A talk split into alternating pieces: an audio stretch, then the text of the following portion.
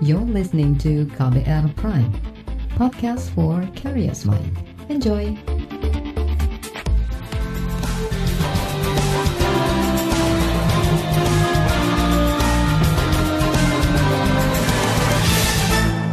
Anda mendengarkan KBR sore hari ini, edisi Kamis 2 September 2021 yang dipersembahkan oleh kantor berita radio saya, Reski Mesanto.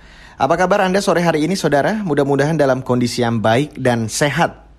Sore ini kembali saya mau ajak Anda untuk membahas satu topik yang sedang ramai diperbincangkan. Jadi selama 30 menit ke depan ini saya mau ajak Anda untuk membahas keamanan perlindungan data pribadi yang kembali mendapat sorotan.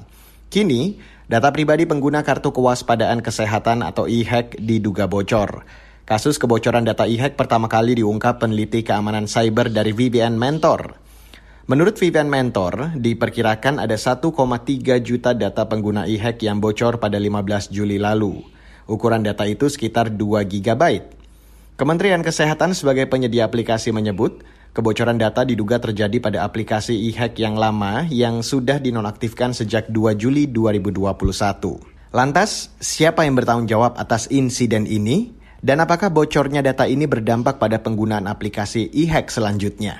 Serta bagaimana pengawasan yang harus dilakukan? Kita bahas sore hari ini di KBR Sore. Saudara, Kementerian Kesehatan mengklaim data pribadi masyarakat yang termuat dalam aplikasi e-hack tidak bocor. Juru bicara Kemenkes Anas Maruf menjelaskan, kepastian itu didapat setelah Kemenkes bersama Kementerian Komunikasi dan Informatika, Badan Cyber dan Sandi Negara atau BSSN dan Bareskrim Polri menginvestigasi dugaan kebocoran data. Kemenkes juga menggandeng seluruh pihak terkait untuk memperbaiki kerentanan kebocoran data pengguna aplikasi e-hack. Namun, Kemenkes menduga kebocoran itu berasal dari data yang tersimpan oleh rekanan Kemenkes atau pihak lain yang ditunjuk. Kementerian Kesehatan melakukan penelusuran dan menemukan kerentanan tersebut pada platform mitra EHC. Serta kemudian Kementerian Kesehatan langsung melakukan tindakan dan kemudian dilakukan perbaikan-perbaikan pada sistem mitra tersebut. Yang kedua, sebagai bagian dari mitigasi risiko keamanan siber, maka Kementerian Kesehatan telah melakukan koordinasi dengan Kementerian Kominfo, Badan Siber dan Sandi Negara BSSN, serta Direktorat Tindak Pidana Siber Barreskrim Polri untuk melakukan proses investigasi guna menelusuri dan memastikan bahwa tidak ada kerentanan lain yang bisa digunakan untuk mengeksploitasi sistem tersebut. Anas mengimbau warga menggunakan platform peduli lindungi yang datanya dijamin pemerintah. Sementara data pada e-hack merupakan tanggung jawab rekanan Kemenkes sesuai Undang-Undang Informasi dan Transaksi Elektronik atau UU ITE. Kementerian Kesehatan memastikan bahwa data masyarakat yang ada dalam sistem Electronic Health Alert Card atau EHAC tidak bocor dan dalam perlindungan. Data masyarakat yang ada di dalam EHAC tidak mengalir ke platform mitra. Sedangkan data masyarakat yang ada pada platform mitra adalah menjadi tanggung jawab penyelenggara sistem elektronik sesuai dengan amanah Undang-Undang Nomor 19 Tahun 2016 tentang informasi dan transaksi elektronik atau Undang-Undang ITE. Klaim tidak adanya kebocoran data juga disampaikan BSSN. Meski begitu, juru bicara BSSN Anton Setiawan mengakui data tersebut rentan bocor sehingga perlu ada perbaikan. Sementara peran pemerintah yaitu memberikan panduan melalui BSSN. Itu kalau kita mengacu kepada Undang-Undang ITE dan BPPSTE, maka tanggung jawab terhadap penyelenggaraan sistem elektronik yang andal dan aman itu ada kepada penyelenggara sistem elektronik tersebut. Nah, kemudian apa peran negara dalam hal ini adalah BSSN. BSSN memberikan panduan, gitu ya. Kita sudah mengeluarkan peraturan BSSN nomor 8 tahun 2020 tentang bagaimana sistem manajemen keamanan informasi. Bagaimana pengamanan sistem terhadap uh, penyelenggara sistem elektronik. Itu disebutkan di situ, dan kemudian yang terbaru dengan adanya dinamika seperti ini dan untuk merapikan gitu ya, untuk mengkonsolidasikan SD keamanan di SPBE, kita mengeluarkan juga pedoman keamanan untuk pedoman keamanan informasi untuk uh, eh, SPBE, sistem pemerintahan berbasis elektronik atau kita biasa kenal dengan e-government. Sementara itu Kominfo selasa kemarin menyatakan berdasarkan kajian pemerintah terdapat dugaan kebocoran data pada aplikasi e-hack lama yang sudah dinonaktifkan sejak 2 Juli 2021. Kominfo juga telah memberikan sejumlah poin arahan kepada Kemenkes untuk melakukan upaya antisipatif mencegah terjadinya kebocoran data di kemudian hari. Kominfo meminta seluruh wali data dan pengelola menjaga data pribadi masyarakat dengan serius dan sesuai peraturan. Saudara, selanjutnya di KBR Sore akan saya hadirkan laporan khas KBR yang kali ini akan membahas Indonesia darurat kebocoran data pribadi. Tetaplah di KBR Sore. You're listening to KBR Pride, podcast for curious mind. Enjoy!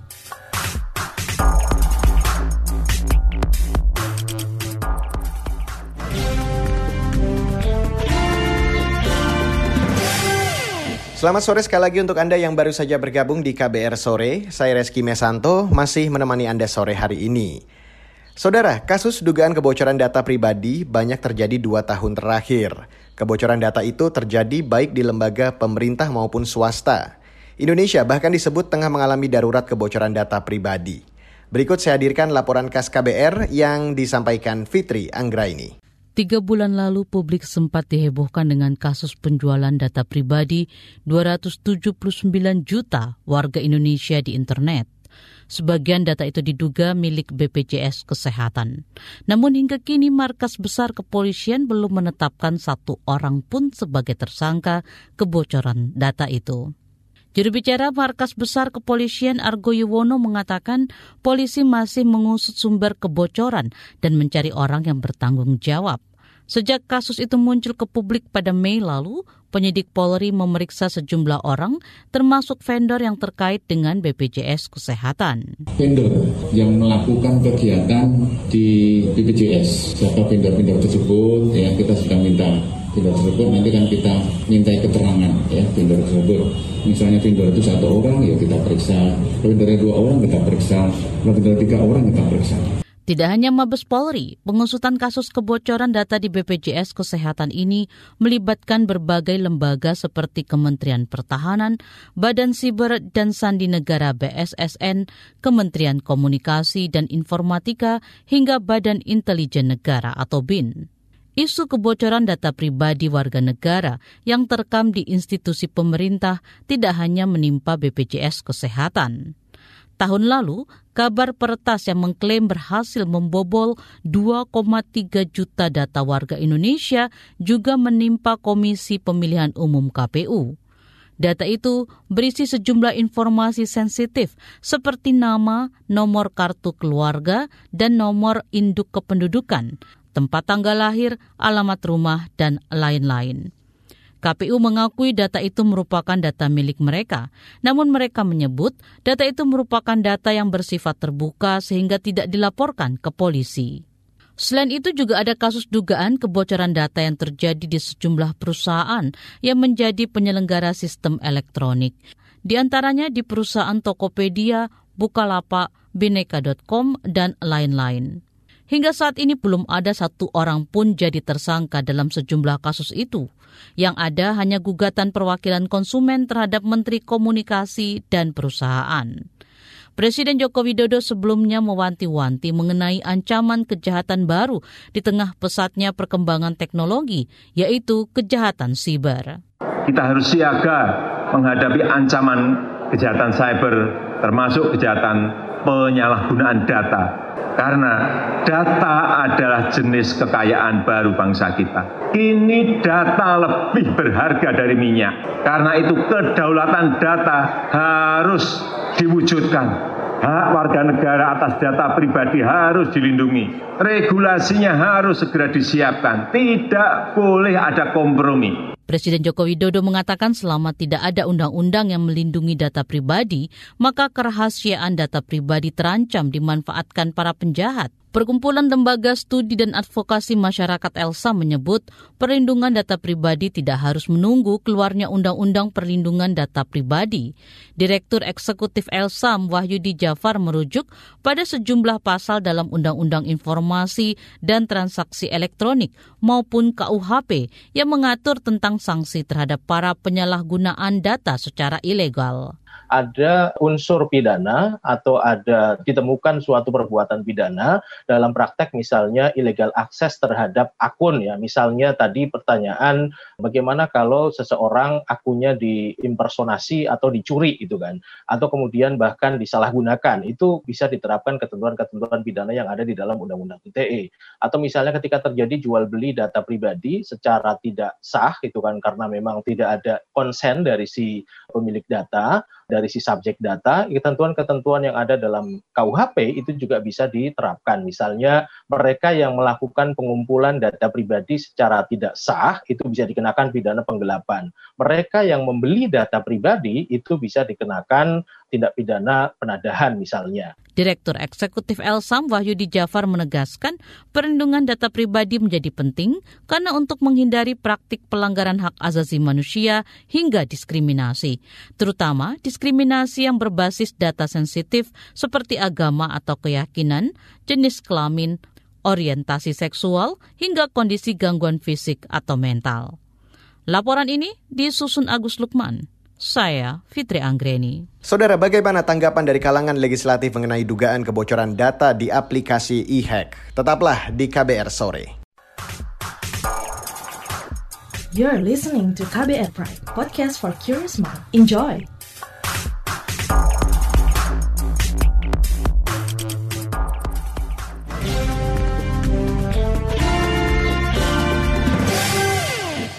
Saudara, Anda sedang mendengarkan KBR Sore yang mengudara melalui satelit ke lebih dari 350 radio jaringan di Nusantara.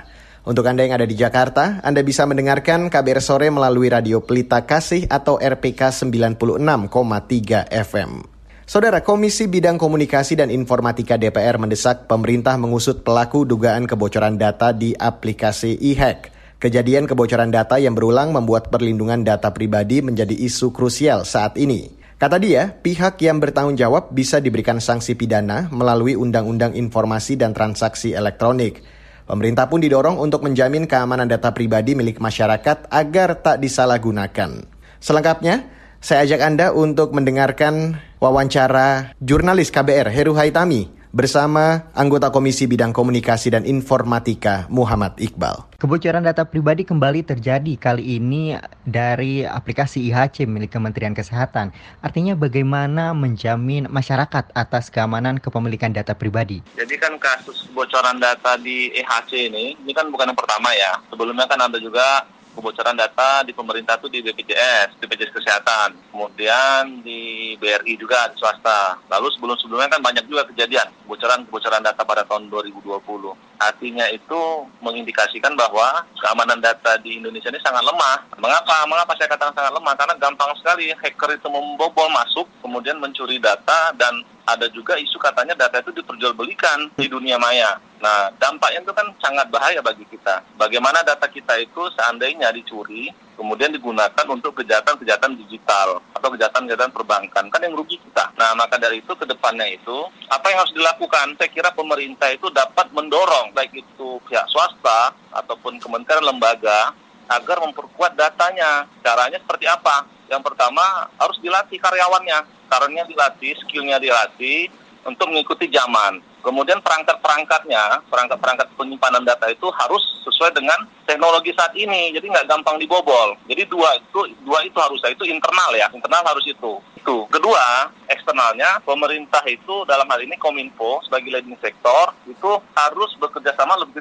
lebih terpadu lagi dengan BSN, Badan Cyber Sandi Nasional dan polisi. Kan di polisi itu ada namanya cybercrime. Jadi bisa melacak hacker-hacker yang yang melakukan atau mencuri data-data tersebut. Apakah dengan mendorong pemerintah untuk melakukan investigasi dan mengusut bagi pihak yang lalai dalam kasus ini? Kemudian ketika ditemukan pelaku, undang-undang apa yang digunakan? Karena PDP belum ada sampai saat ini. Nah, kan ada undang-undang ITE, ada bisa. Artinya begini, undang-undang ITE itu yaitu hacker itu yang menerobos itu bisa kena sanksi pidana. Tapi kan persoalannya kan bukan hanya itu. Persoalannya itu bagaimana agar data-data kita yang tersebar ini bisa di di lembaga swasta atau di pemerintah atau di perusahaan swasta atau pemerintah itu aman. Nah, kemudian bagaimana supaya aman? Kan sanksi itu kan bisa sanksi administratif. Sanksi administratif itu ya pengolah data tadi. Misalnya uh, eh, EHC ini kan salah vendornya, dia lalai dalam dalam mengolah dan menyimpan data, kemudian berhasil dicuri oleh hacker. Kan ada sanksi administratifnya. Nah, yang mencuri data itu kena sanksi pidana. Nah, jadi jadi di situ kuncinya. Saudara itu tadi anggota DPR Muhammad Iqbal. Dan bagaimana analisis dari pakar mengenai keamanan aplikasi milik pemerintah? Informasi selengkapnya sesaat lagi, tetaplah di KBR Sore.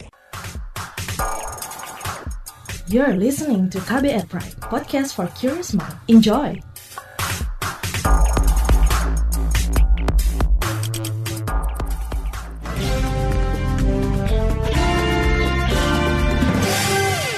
Saudara, inilah bagian akhir dari KBR Sore. Dugaan kebocoran data pribadi pengguna aplikasi e-hack mendapat sorotan dari pakar ilmu informasi sekaligus pendiri drone Emprit, Ismail Fahmi. Menurut analisis Fahmi, setiap aplikasi memang memiliki celah keamanan termasuk e-hack milik Kementerian Kesehatan. Untuk itu dia menyarankan pemerintah terus memeriksa sistem keamanan data secara berkala. Selain itu, dia mengusulkan adanya bug bounty atau pemburu kebocoran supaya masyarakat bisa ikut membantu menemukan celah keamanan di setiap aplikasi milik pemerintah. Selengkapnya, saya mau ajak Anda untuk langsung mendengarkan wawancara jurnalis KBR Yovinka Ayu dengan analis media sosial sekaligus pendiri Drone Emprit, Ismail Fahmi. Data 1,3 juta pengguna aplikasi Electronic Health Alert, Alert Card atau e-hack ini dari Kementerian Kesehatan diduga bocor. Dari aplikasi e-hack ini sebenarnya apa saja kelemahan dan kekurangan keamanan dari aplikasi tersebut? Bocor mungkin belum ya, tapi potensi bocor iya.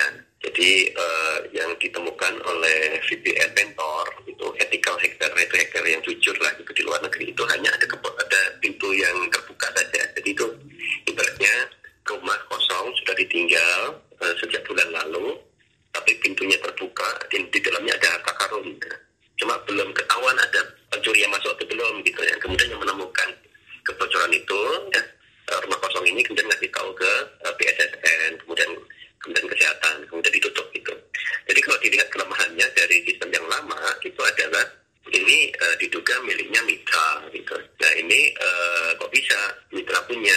Artinya kan harusnya data itu dimiliki sepenuhnya oleh Kementerian Kesehatan kan nggak boleh nggak boleh ada mitra yang memiliki kopinya kan gitu. Jadi kalau misalnya uh, saya sebagai pengguna mengirim data menggunakan peduli lindungi yang versi lama ya atau e versi lama, misalnya kalau naik pesawat, nanti datanya selain terkumpul di Kementerian Kesehatan, juga ada kopinya di mitra. Itu yang versi yang dulu tuh. Itu satu kelemahan. Kelemahan yang kedua adalah ternyata sama mitra itu ditaruh di uh, cloud. Cloud itu adalah server yang ada di Google.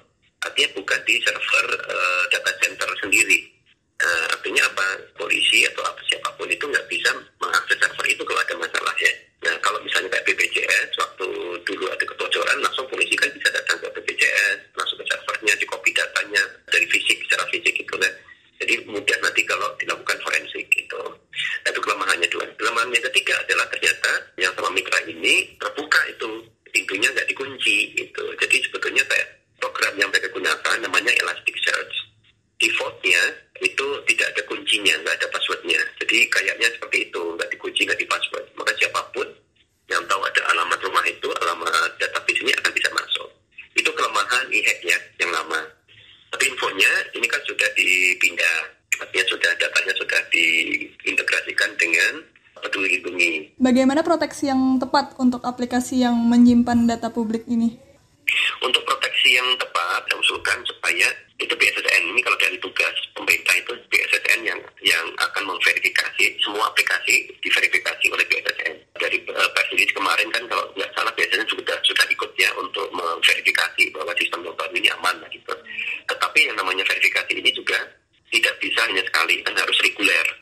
Kemudian si penyelenggara pun juga harus terus-menerus mengecek itu keamanan datanya kalau mitranya misalnya Telkom misalnya gitu mungkin setiap saat itu harus melaporkan uh, mingguan misalnya dilaporkannya tapi setiap saat harus di, di diamankan itu mampu.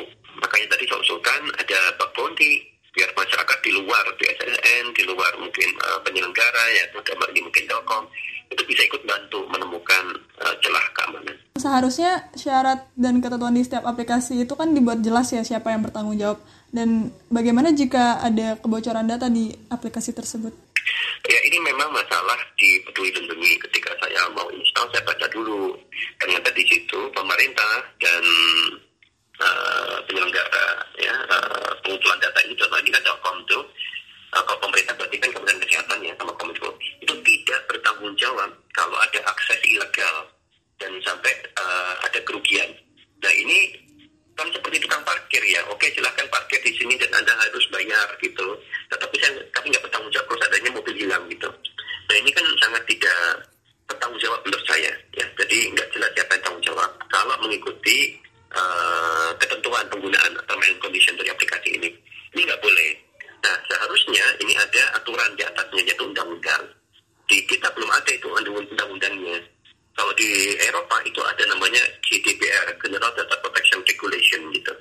Uh, semua harus pemerintah di sana, swasta dan pemerintahan yang mengumpulkan data publik harus tunduk terhadap GDPR. Nah, bagaimana kalau seandainya kebocoran data itu ada didenda? Celah keamanan data di aplikasi milik pemerintah uh, seperti Peduli Lindungi ini?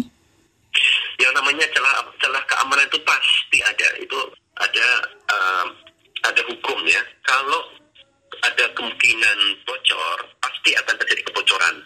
Tinggal suatu saat saja. Dan yang namanya security itu selalu, misalnya sekarang minggu ini sudah no ya, sudah bagus lah, tidak ada kebocoran. Suatu saat akan ditemukan kebocoran minggu depan mungkin, beberapa hari berikutnya mungkin, itu bisa, sangat mungkin. Jadi kita nggak bisa jamin uh, 100% data aman. Jadi kalau dikatakan, apakah betul ini ada ada kebocoran? Menurut saya 100% pasti ada. Ya, hanya mungkin belum, belum ditemukan saja gitu. Itu pasti ada. Saudara itu tadi Ismail Fahmi, pakar ilmu informasi. Dan wawancara tadi sekaligus menutup KBR sore untuk hari ini 2 September 2021. Terima kasih untuk Anda yang sudah bergabung sore hari ini dan jangan lupa di mana pun Anda berada, selalu terapkan protokol kesehatan dengan baik. Mewakili tim redaksi yang bertugas sore hari ini, saya Reski Mesanto undur diri. Salam.